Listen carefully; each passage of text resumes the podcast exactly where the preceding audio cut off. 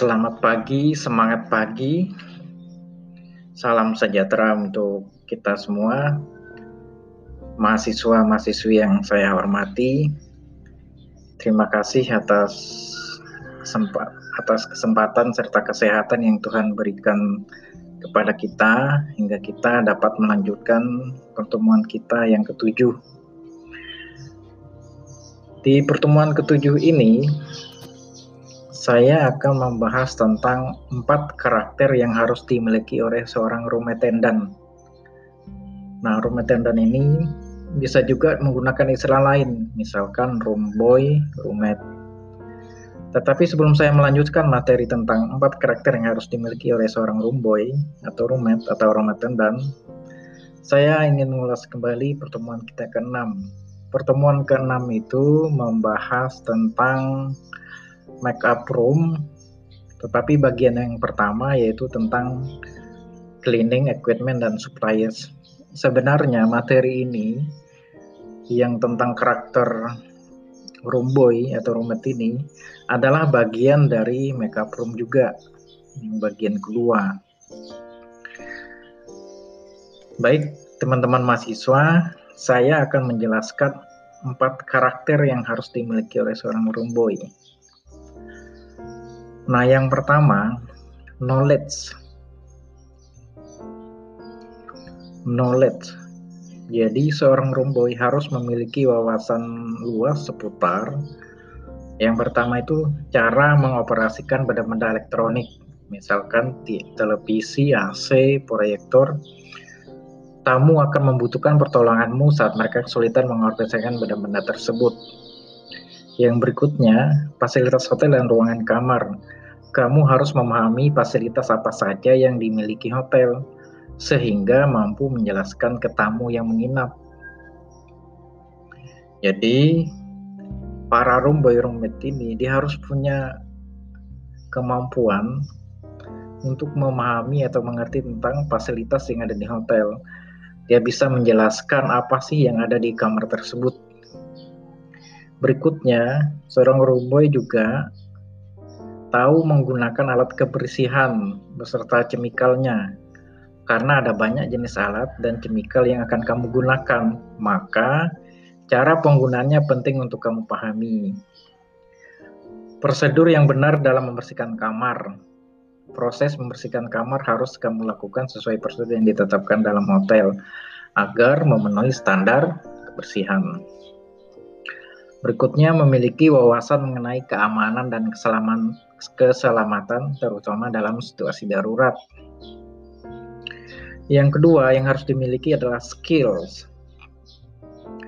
Skill mumpuni dibutuhkan untuk bisa menjalankan pekerjaan dengan teliti dan efisien. Skill dapat diperoleh dari pelatihan training dan jam terbang. Artinya dilakukan terus-menerus ya supaya bisa.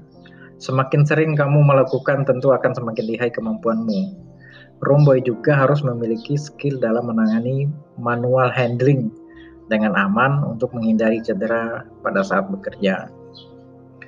Yang ketiga yang harus dimiliki adalah sikap.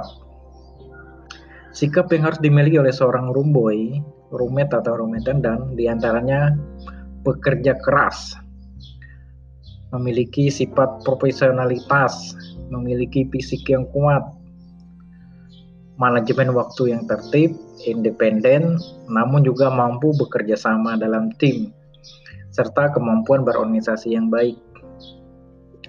Yang berikutnya, yang bagian keempat yang harus dimiliki oleh seorang rumboy atau rumit,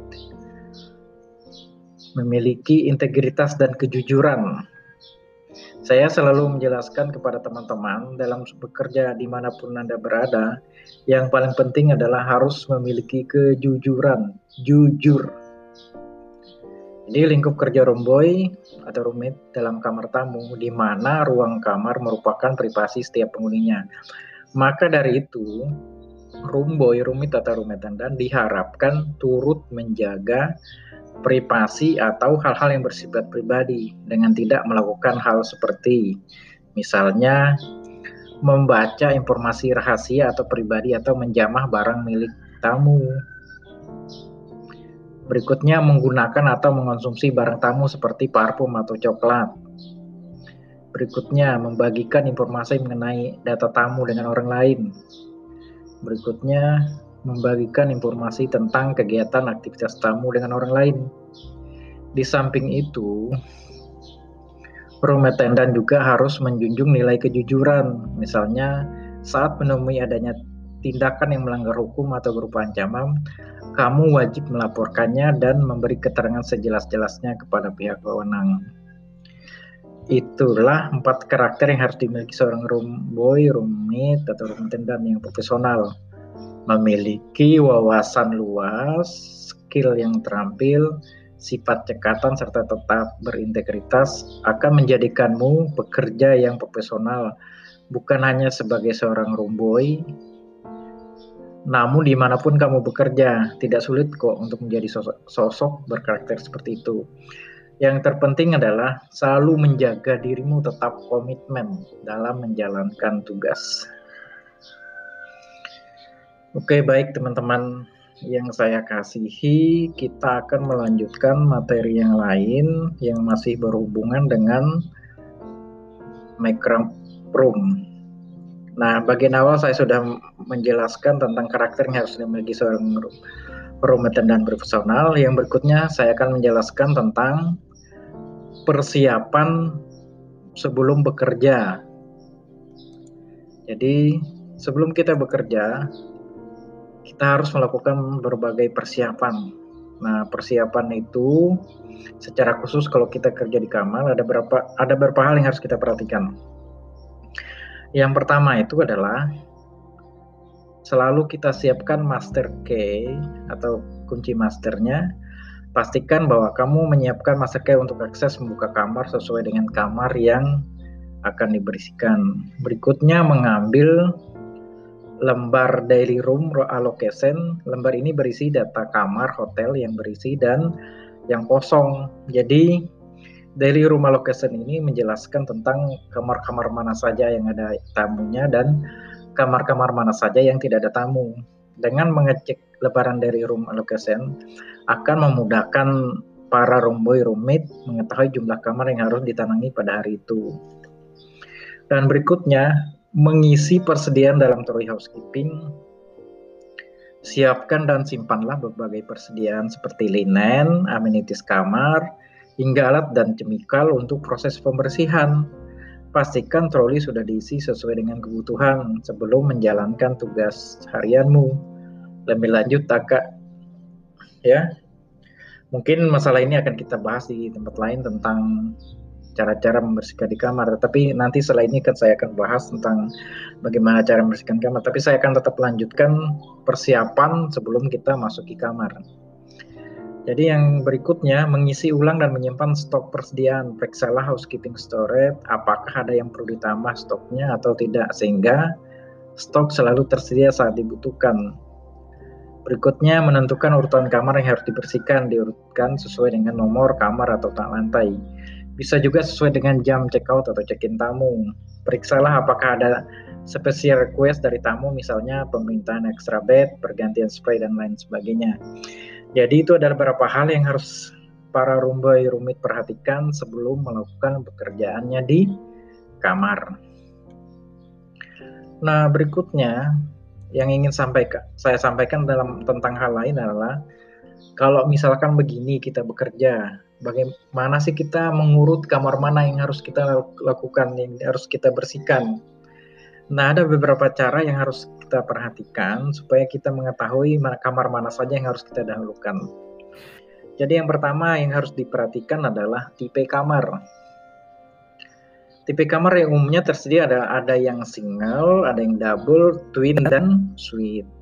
Tiap kamar dilengkapi dengan fasilitas mulai dari kamar mandi, shower, bathtub, kitchen, kitchenette, balkon hingga lounge. Semakin lengkap fasilitas sebuah kamar, tentu semakin banyak waktu yang dibutuhkan untuk membersihkannya. Beberapa hotel melakukan pembagian tugas seperti P kamar, namun juga yang tidak. Jadi, ada yang mengerjakan kamar itu berdasarkan tipe kamar. Jadi semakin luas, semakin tinggi standar kamar, maka itu yang pertama. Kenapa? Karena itu yang yang dibutuhkan waktu sangat lama. yang berikutnya yang harus kita kerjakan juga mana yang pertama atau yang terakhir adalah room status atau status kamar. Jadi room status ini menentukan urutan kamar yang dibersihkan bisa dilihat dari room status yang datanya dapat diperoleh pada front desk. Adapun room status sebuah kamar contohnya misalnya check out room, ada occupied room, ada check-in room. Nah, itu saya pikir istilah-istilah ini sudah saya sampaikan sebelumnya. Semoga ini bisa dimengerti oleh teman-teman mahasiswa. Jadi istilah-istilah room status ini harus dihafal kalau bisa diusahakan ya. Nah, berikutnya ada yang bagian ketiga dapat timbang lain adalah selain poin di atas ada hal lain yang harus kamu pertimbangkan saat menentukan urutan kamar yang akan dibersihkan seperti adanya special request dari tamu yang ingin kamarnya segera dibersihkan.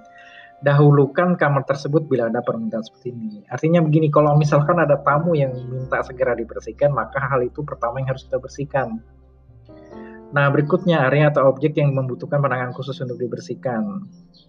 Berikutnya, kendala waktu. Terbatasnya waktu mengharuskan kamu untuk memprioritaskan kamar-kamar tertentu dan bekerja secara gesit. Jika ada tanda please make up room menggantung di pintu, berarti kamar ini harus ditamakan daripada kamar yang lain. Adanya pekerjaan yang harus dilakukan seperti membersihkan public area, office, dan lain-lain. Dan berikutnya yang paling penting adalah pastikan dulu pada atasan. Jadi kita harus selalu dengar atasan. Kalau atasan kita minta misalnya ini harus didulukan, maka itu harus kita kerjakan ya. Nah, bagaimana urutan kamar semestinya dibersihkan dulu secara umum. Ada istilahnya departing room lah yang diutamakan dulu daripada stay room. Hal ini agar check out room atau departing room bisa segera dijual kembali oleh resepsionis. Nah, berikutnya yang harus diperhatikan adalah ada tanda do not disturb yang dipasang di kamar, terutama kalau seharian punya tanda tersebut menggantung di pintu. Mungkin saja tidak ada masalah atau tamu lupa mencopotnya, namun yang dikhawatirkan adalah adanya kemungkinan tamu jatuh sakit. Ya. Oke, demikianlah beberapa hal yang harus diperhatikan yang berhubungan dengan bagaimana sih urutan kamar yang harus kita bersihkan yang utama. Demikian yang dapat saya sampaikan di pertemuan ini, di pertemuan ketujuh ini. Mungkin kita akan lanjutkan lagi di pertemuan berikutnya, ya masih berhubungan dengan Makeup Room. Terima kasih atas kesempatannya. Semoga materi yang saya sampaikan ini dapat berguna untuk kita semua. Terima kasih dan selamat pagi.